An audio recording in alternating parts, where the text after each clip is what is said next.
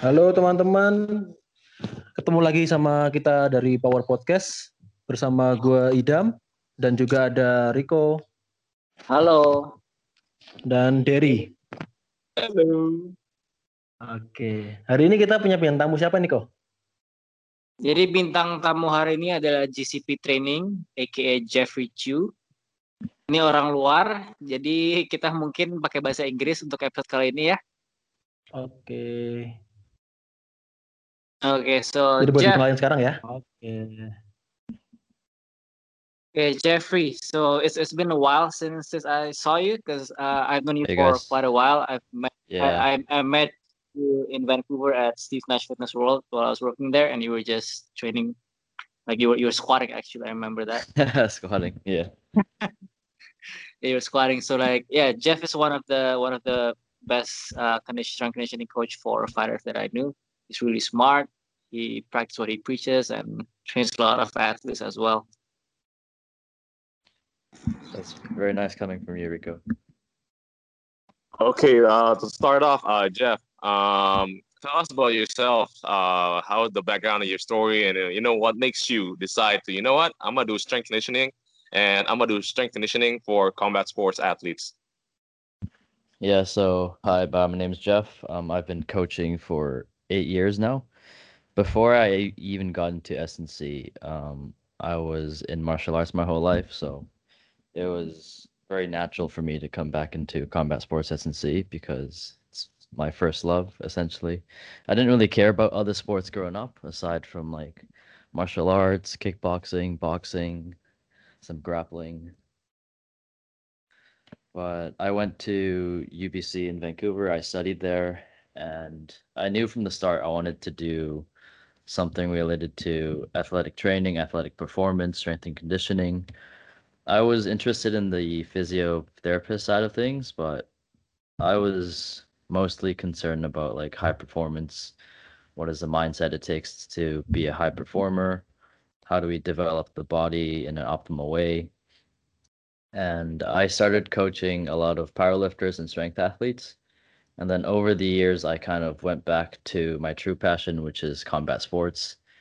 And now I coach professional and amateur fighters from boxing and Muay Thai, and some grappling athletes as well, some um, wrestlers, some BJJ players. And it's been a crazy ride so far. Still trying to learn and Oh. improve. Yeah, for sure. Uh, so yeah, so how how how, how did you go from like training uh, powerlifters to to uh, combat athletes in the first? Because it's it's a pretty it's, it's a pretty uh, different different sport, right? Like the the training needs, the conditioning, the the programming is is is totally different. Yeah, it's different, but I felt like when I was training powerlifters, I still had one foot in the door in terms of combat sports. Like I was still watching every UFC, every MMA event. So combat sports was still on my mind. It was just that I managed to get a lot of strength athletes that were interested in um, training with me. So, like, you know how it goes, Rico. Like, you want to train Yeah, a certain population, but life steers you a certain way, and you just Uh-huh. end up with a niche that you didn't really expect to end up with. And that's completely Yep. fine because it helps you develop your programming skills. So, what powerlifting taught me was how do we program from microcycle to microcycle? How do we make really clear progressions? And what I liked about strength sports is you either get strong or you don't. It's kind of like uh, it's kind of like jumping, right? Like you either jump higher or you don't. It's a, a it's an objective metric that you can always measure at the end of the day, and it keeps you honest with the programming and the coaching. Okay. uh, Um, sp- speaking of metrics, uh, what, what do you use for your KPIs for for fighters especially? KPIs, it depends on the sport, obviously. Um, with strikers, I like things like um, lower body and upper body KPIs. So I might do some jumps. I might do a seated med ball uh, punch or a toss to see how far they can throw it. With Mhm. grappling sports, I really like pulling strength as a KPI, pulling power. So see much, see how much they can row, how much they can um, pull up, like do weighted pull up as a KPI. the KPI should reflect the demands of the sport itself. And then you have like more general ones like your uh, mid thigh iso pull. Not that I can measure that, so I don't use that as a KPI. I might use a like a trap bar deadlift or a squat. Try to aim for a very general kind of strength standard. And then with conditioning, I normally do lactate threshold test with like a specific modality, either rolling or on the heavy bag, and then maybe like a heart rate recovery test. Okay, I see, I see. Yeah, so we're, we're gonna touch on some uh the actual weight training first. So how do you actually train for for MMA? because you know like people say oh may, you just do like bodybuilding stuff some people say oh just do calisthenic stuff maybe crossfit you know powerlifting just lift heavy weights and then practice your practice your sport so like how do you actually mm-hmm. program or how do you actually train you know like mma athletes the way i like to coach and set up my snc programs is really through first principles and principles based so what that means is we're going to go down to the core of the sport and really figure out what does the sport demand of the athlete, um, what movements need to be improved, what strength and power measures are seen in the sport to be successful, like the KPIs, and then we work from the ground up. Um, what I think is very inefficient about putting training into these holes, as in like, okay, we're gonna do bodybuilding, we're gonna do Olympic lifting. These are all modalities within itself that have nothing uh-huh. to do with um, S&C or combat sports. So what I like to do is take maybe a bit from each, like bodybuilding. What can we get from that? We can we can get um, really good isolation exercises, whether it's to rehab a certain uh, joint or a muscle group. Um, from Olympic lifting, we can take ballistic and power variations that we can use to improve triple extension or general body power. And then from powerlifting, we can take like main compound lifts and the heavy load to improve systemic strength. So I try to take a bit from everything. Um, with MMA, there's so many movements involved that it's really hard to target like specific ones. So what I like to do is just focus on main compound lifts first establishing a baseline. Let's say with MMA fighters, I want to achieve at least a two times body weight trap bar deadlift. Once that's achieved, I know that we can start getting into more jumps. I know that he has a baseline of strength, which tells us about his injury risk and a list of other things. So I think the answer would be focus on the basics first, like the compound lifts, um, treat them as an athlete first to help them improve injury risk. And then we can work on specific things for them as an MMA fighter depending on what their style is depending on what their strengths and weaknesses are okay uh, I, I have two questions regarding your uh, answer just now. So yeah. first uh, do you use like the the regular the barbell big so like conventional uh, conventional deadlifts or back squats for for your athletes? Or you just use a more like an alternative like trap bar and stuff like that?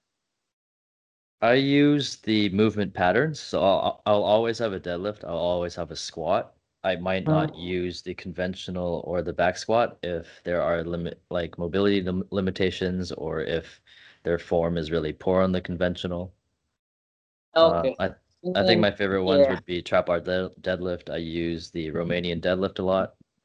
I find the Romanian deadlift a lot better than the conventional because you start from the hip and you kind of keep the tension on the hamstrings and glutes.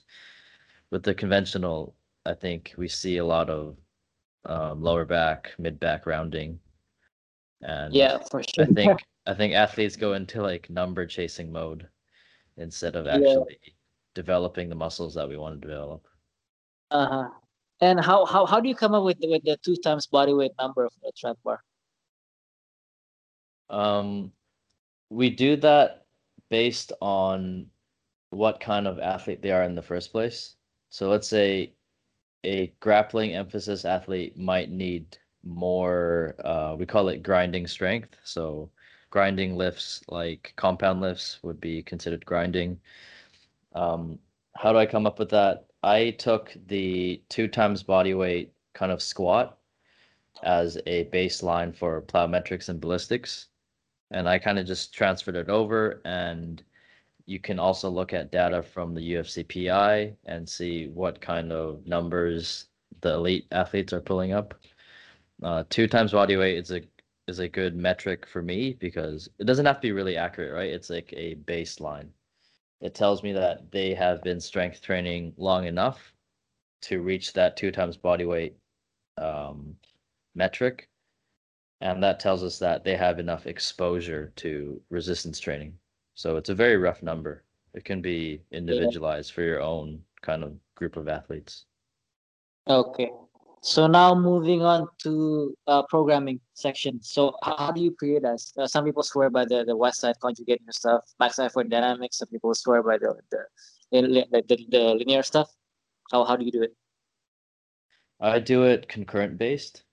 Um, so what concurrent based would mean is we're working on a bit of everything at all times.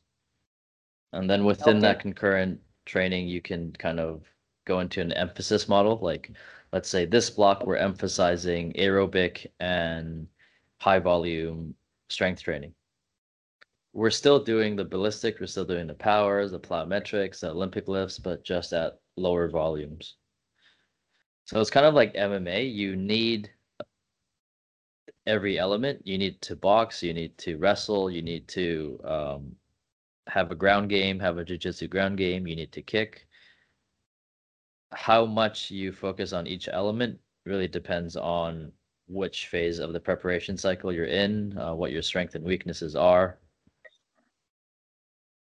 So I really oh. like the concurrent emphasis because it gives you flexibility as well because mm-hmm. in combat sports you never know when you're going to fight. You never know when you're going to take a late notice fight. So i don't think the linear approach makes sense. Like okay we're going to commit two months into high volume and you're not going to be touching any ballistics or high velocity training. But what if you have a fight coming up and you decide to take on a short notice fight? Then you're pretty much fucked right? Because you haven't touched high velocity training in a while and that's specific to the sport so I feel like the linear model where you're mm-hmm. committing too much, putting too many eggs in one basket, that doesn't work with a very chaotic sport like combat sports. And then you can kind of put like block periodization in the same in the same um same sphere. So how how many days do the athletes usually train for? I mean, for the weight training section, because like they have you know skill training, they have mm-hmm. boxing, they have grappling, whatever. Mm-hmm. I find that I can't fit more than two or three.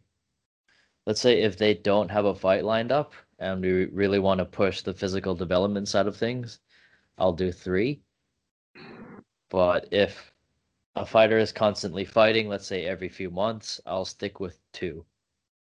I think um, that's the number you see with elite athletes as well um, two or three dedicated strength and power sessions, and then conditioning is kind of a whole different beast. Some people like to put in a lot of conditioning. I tend to let sports training take care of the conditioning, and then I'll prescribe whatever is needed to fill in the gaps. Okay, that that, that sounds that sounds right. so, uh, speaking of ab work, because I've, I've I've seen your post before that you know, like uh, today, like people are like anti crunches, anti sit up, mm-hmm. anti you know flexion. It's, it's all about the anti rotation, the planks, whatever, anti anti uh, extension stuff. So, is, is there any value to actually like you know people doing a shit ton of crunches or sit ups for fighters? Because you know it's boxing, Muay Thai, they are they, like all the fighters, yeah. you know. Yeah. Well, we have to kind of recognize that high volume ab training, like direct core training, is the mm-hmm. standard. Mm-hmm I think the anti-rotational training was uh, a protocol to fill in the gap. Like people notice, hey, like none of these athletes are doing anti-rotational isometric work. Let's put it in and let's sell it. Right? I think that just got a bit overboard to the point where people thought doing crunches and sit-ups was not the norm. Like, oh, you're supposed to be focusing on anti-rotation. Um, what anti-rotation doesn't give you is the isotonic muscle movements, right? It's it's purely isometric, so you're not getting that concentric and eccentric endurance that you would get from sit-ups and crunches. So I think both modalities have a place in the sport. Um, I think sport coaches tend to stick with like the super high volume basics like crunches, um, Russian twist, and whatnot. So if you know they're doing that as an as an SNC coach, yeah, you put in a bit of anti-rotational work. I think both have their place and they both serve different functions. I think anti-rotations for like stability and positioning and kind of generating stiffness in the core. But you also need the high volume direct ab work because it improves local muscular endurance for those muscles. Because if you think about it in striking sports like boxing and Muay Thai, you're using your core a lot. It's rotating a lot, it's flexing a lot, it's extending a lot. You need to build that endurance, and you can't really do that with anti-rotational work. So again, That's they true. serve different purposes. Okay, so like there, there's no worry about the Stuart McGill. Oh, don't crush! You're gonna blow up your disc, whatever. no, no. The thing with that is like you'll get hurt in ranges of motion you don't train. That's Mhm. that's kind of the principles behind injuries. You're not prepared to receive load in that position, therefore you get injured. The solution is not to avoid those positions because most of those positions are unavoidable. What you want to do is slowly build up your capacity to handle load. So I'm sure you know like people get really scared of spinal flexion because some people get hurt in spinal flexion. You Yeah. get hurt because you don't train spinal flexion. Like the only exposure you have to spinal flexion is if you fuck up your technique on a deadlift. Like that's that's your only if that's your only exposure to it, you haven't built any um, capacity to handle load in a sp- um, flex position. So I think Mhm. like Jefferson curls are really great. Um, some other maybe spinal flexion based kind of lifts like Zerchers and whatnot. Okay. Those are, those are really good for building capacity.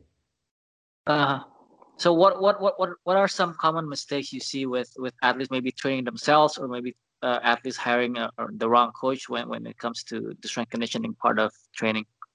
Um, for MMA or just like Yeah, fighters for in MMA. general. For For MMA, um, I think t- there's two to three big mistakes I see. Either not doing enough. Maybe they're just sticking to body weight exercises or like banded face pulls or like the super simple stuff. Or they're Super doing light. too much. Yeah, exactly. Super light stuff, like not enough intensity to make any changes to the neuromuscular system. Or they're doing too much. They emphasize too much S and C and it's taking away from their combat sports training. Because at the end of the day, like skills pay the bill. I think Mhm. some coaches try to convince these athletes that oh, if you're bigger and stronger, you're gonna win. If you're more conditioned, you're gonna win. It's like, hey, we have to take a step back. If you're the better fighter, you're gonna win. Physical develop physical development is only a piece of the puzzle, in my opinion. Yeah, because I, I- remember uh, uh, George St. Pierre says like strength conditioning is only for his look. For his looks, so yeah, I remember that. It's so funny. Yeah. So, uh, in terms of, of, of weights, like how, how heavy would you go with your athletes? Say, because you say like uh some some like grappling athletes, you wanna you know expose them to more grinding lifts. Like, is it ninety percent, ninety five percent of of their one RM, or is it more just kind of more higher rep stuff, but let them grind? Um, a bit of both. I'd say I w- I've never really gone above 90%. I, I don't see the need to do that. I think it the risk out outweigh the benefits to that point.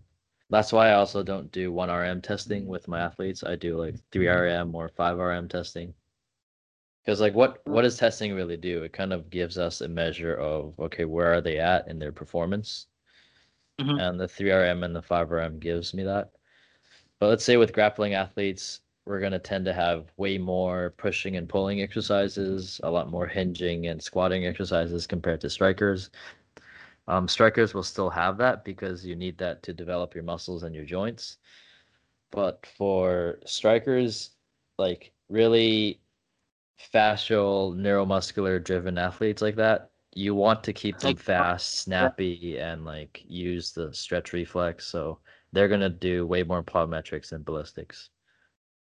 Okay, I see. I see. That, that makes sense. Like. What do you think about like athletes that are like I'm not sure if you heard of these terms like muscle driven versus like yeah, fascial driven. Yeah. They, they they they look pretty different when they when they move and stuff. When they move. exactly, exactly. And that's what we see with grapplers versus strikers. uh-huh. Yeah. Um, So, uh, in terms of, Mhm. of conditioning, you, you mentioned before, uh, you, you let the the sport take care of the of the conditioning, right? Mhm. So, what, what what do you think about you know boxers doing road work stuff like that, or you know, you know, like basic like super Yeah. aerobic distance Yeah. jogs, run. Yeah, I did say that, but I think to be clear, I think to be more accurate, I would say skills training take cares of the majority of the conditioning. And then for us S&C coaches or or the sport coach, I think it's about selecting really effective modalities to improve that last 10 or 20% of the of your conditioning. Boxers will always do road work because it develops endurance in the legs and in the knees. I think I was in that camp like two to three years ago. I, I made some posts saying like, oh, like fighters don't need to do road work. You can develop the aerobic system elsewhere, like swimming and biking. But I think I think I was a bit wrong there. I think you can develop a lot of I want to say like mental toughness and a lot of endurance in the ankles, lower leg complex, and the knees that you might not get from swimming or biking. Uh-huh. So I think road work is really valuable until the Mhm. point where athletes overdo it. And what I mean by that is like their knees are sore, um, the ankles are all banged up, but they still want to do road work. That's when you need to find alternatives. Like, hey, if you're just doing like zone two training, we're just doing aerobic capacity. There's no need to beat yourself up on the road. Let's do it on a lower impact modality like biking or swimming, for example. Or maybe you'll Oh. just do shadow boxing or shadow grappling. Uh-huh. So I think road work is really valuable. Just know when to stop and know when to not overuse it, which is a Uh-huh. problem here in Thailand actually. Uh, What- the why Muay is Thai athletes. Uh, I think it's a problem here in Thailand based on Okay. Like 90% of the people I've talked to. Thai fighters are really conditioned, but they just do too much road work and they kind of come into the fights a bit banged up sometimes. Okay. Like they don't know any other alternatives. They might skip rope, they might run, and that's it. hmm I On on, Mhm. yeah, go on, go on. Uh, but I think it's smart to find alternatives when roadwork's no longer working for you.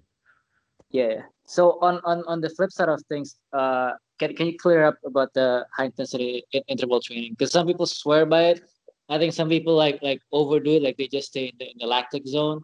Some people do it incorrectly, maybe uh, not enough rest, stuff like that. So how, how do you how do you maybe program it, or, or how do you not program it, or is there any value to it? Is it overrated, stuff like that?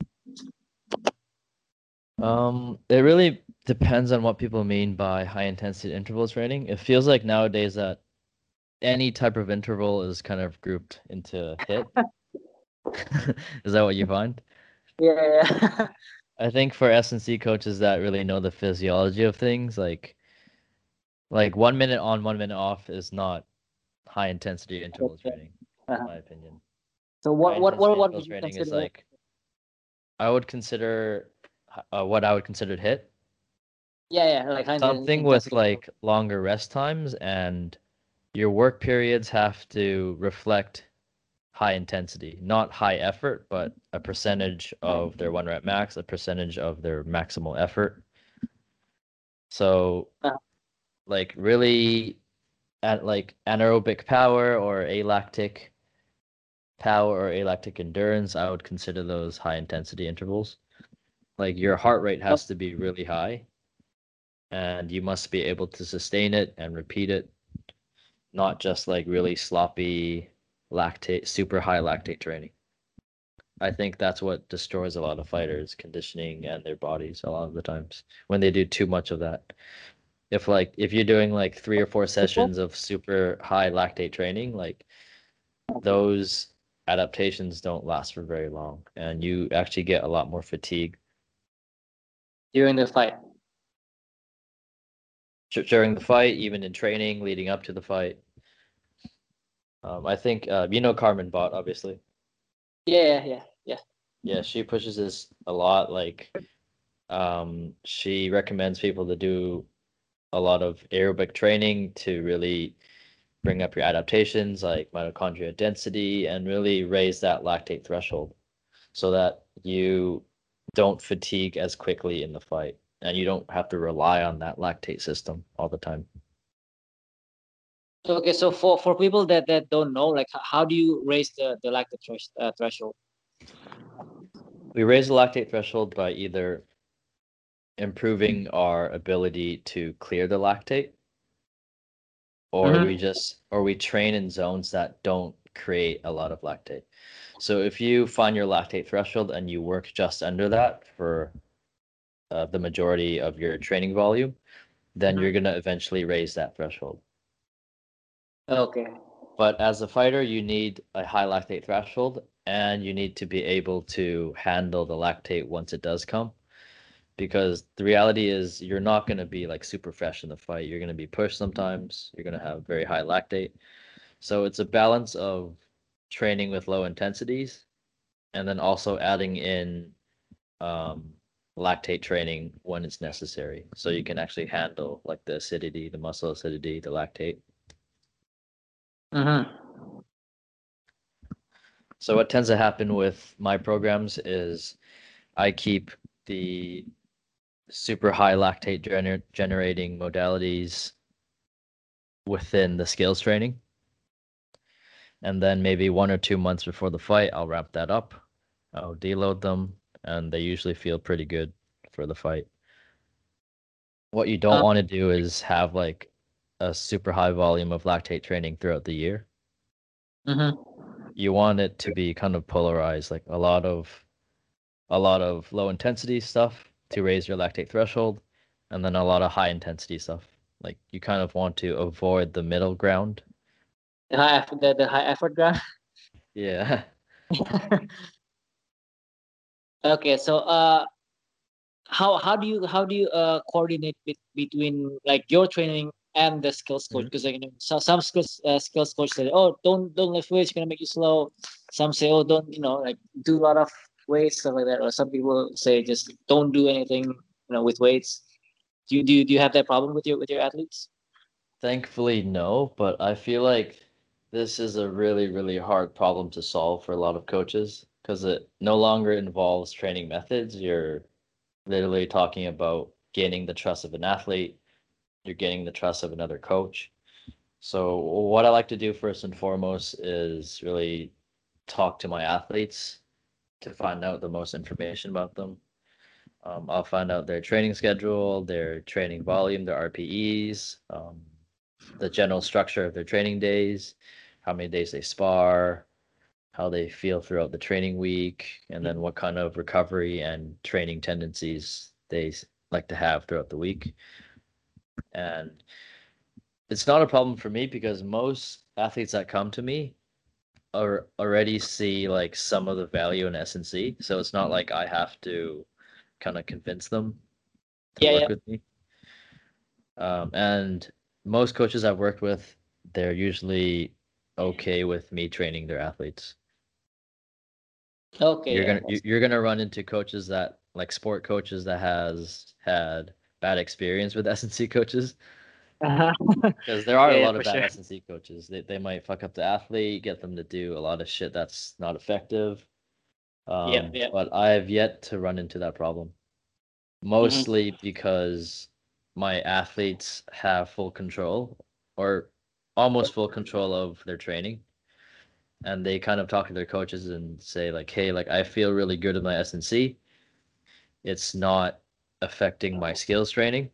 And as long Mhm. as coaches, as long as the sport coaches see that, they'll be okay with it. Because at the end of the day, as an S&C coach, you have to produce the results. If the athletes are coming coming into the session sore and they can't train their skills properly, that's where the problems begin.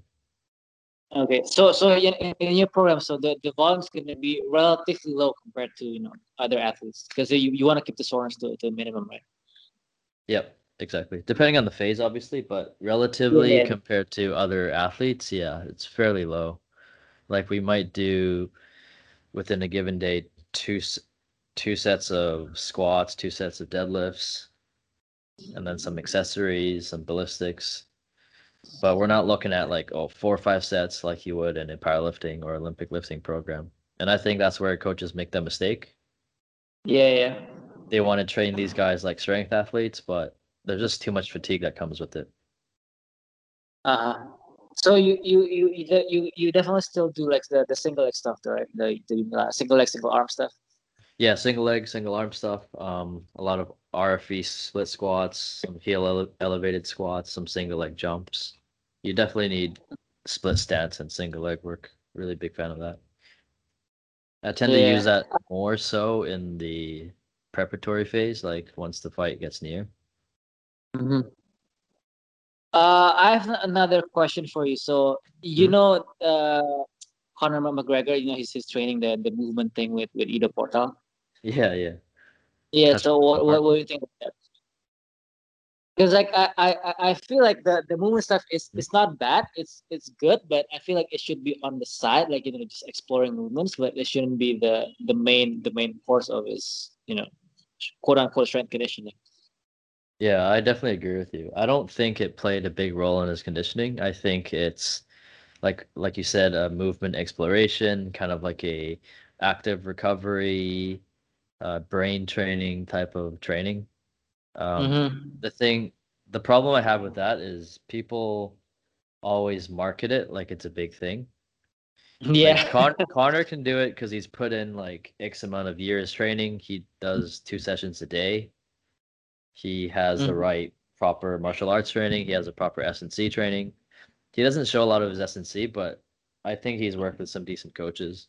There's like clips of him working in the underground doing prowler pushes, squats, pull ups, and all Oh, that really? stuff.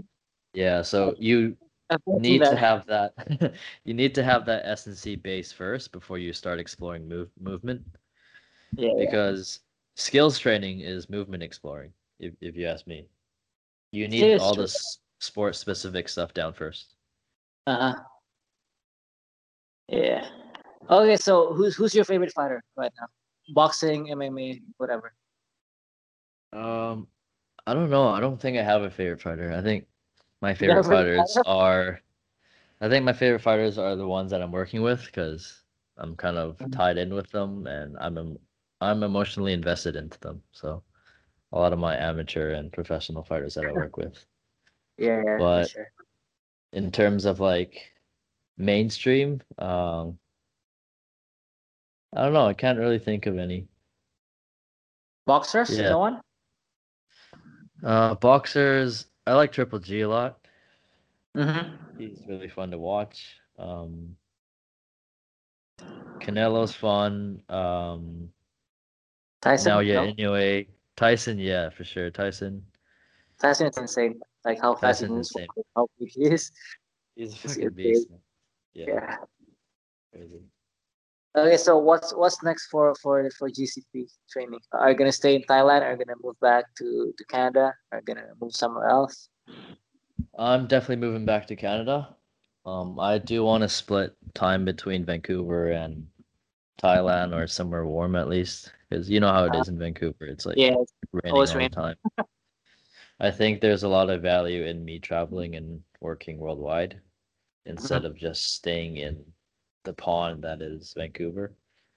Um, yeah. I lived in London last year, and that gave me a lot of opportunities to work with a lot of UK coaches, a lot of UK athletes. Mhm. So I think I'll continue with that. Um, I'm in Thailand for another two or three months, I'd say, and then my girlfriend and I are moving back to Vancouver just to start a new chapter. Yeah. And then uh, I I know that once I go back to Vancouver, I'll want to come back to Thailand. So that's probably gonna happen. Um, I, Yeah. I love training here. I love learning about like traditional um, training styles, traditional training schedules, and that just gives me a lot of context for me to use as an S&C coach. Yeah. Because I feel like an S&C, a a lot of S&C coaches are interested in the newest technologies, the newest metrics, the newest exercises, but there's a lot of value in learning about the history of training, whether it's traditional Thai methods of road work or like really old Soviet methods. I Mhm. think those laid the foundation for what we do today, anyways. Okay. But yeah, hope to work with more combat athletes. Hope to develop some champions. Really Yeah, for sure. let, let the work speak for itself. And you offer uh, online training, right? So how, how do people uh, can get a hold of you if they want to hire you? you know? Yeah, I offer online training to amateur and professional combat sport athletes. Um, they can reach me on my website. It's a pretty comprehensive um, training process where I involve them into the whole training process itself. So I deliver their programs weekly. I manage their training schedule. I design their strength and power sessions. Um, it's up to them f- for me to offer my conditioning protocols, but I um, prescribe their runs as well. Any conditioning or road work, I do that for them. And I send them feedback weekly, so they can always reach me on my Instagram or on the website. Mhm. So what what's what's that what, what's what's the website called? Uh, gcperformancetraining.com. GC Performance Training. And the Oh, perfect. Instagram? Instagram people. is GCP Training. CP Training. Okay, that's good. Okay, uh, so that's all for today, Jeff. Thank you so much for Awesome, your man. time. Thanks for your time, Yeah, Rico. And Yeah, crew. no problem. Yeah. No problem. Okay. Uh, thank you so much, guys, for listening. Uh, and this is for today's episode, and we'll see you next time.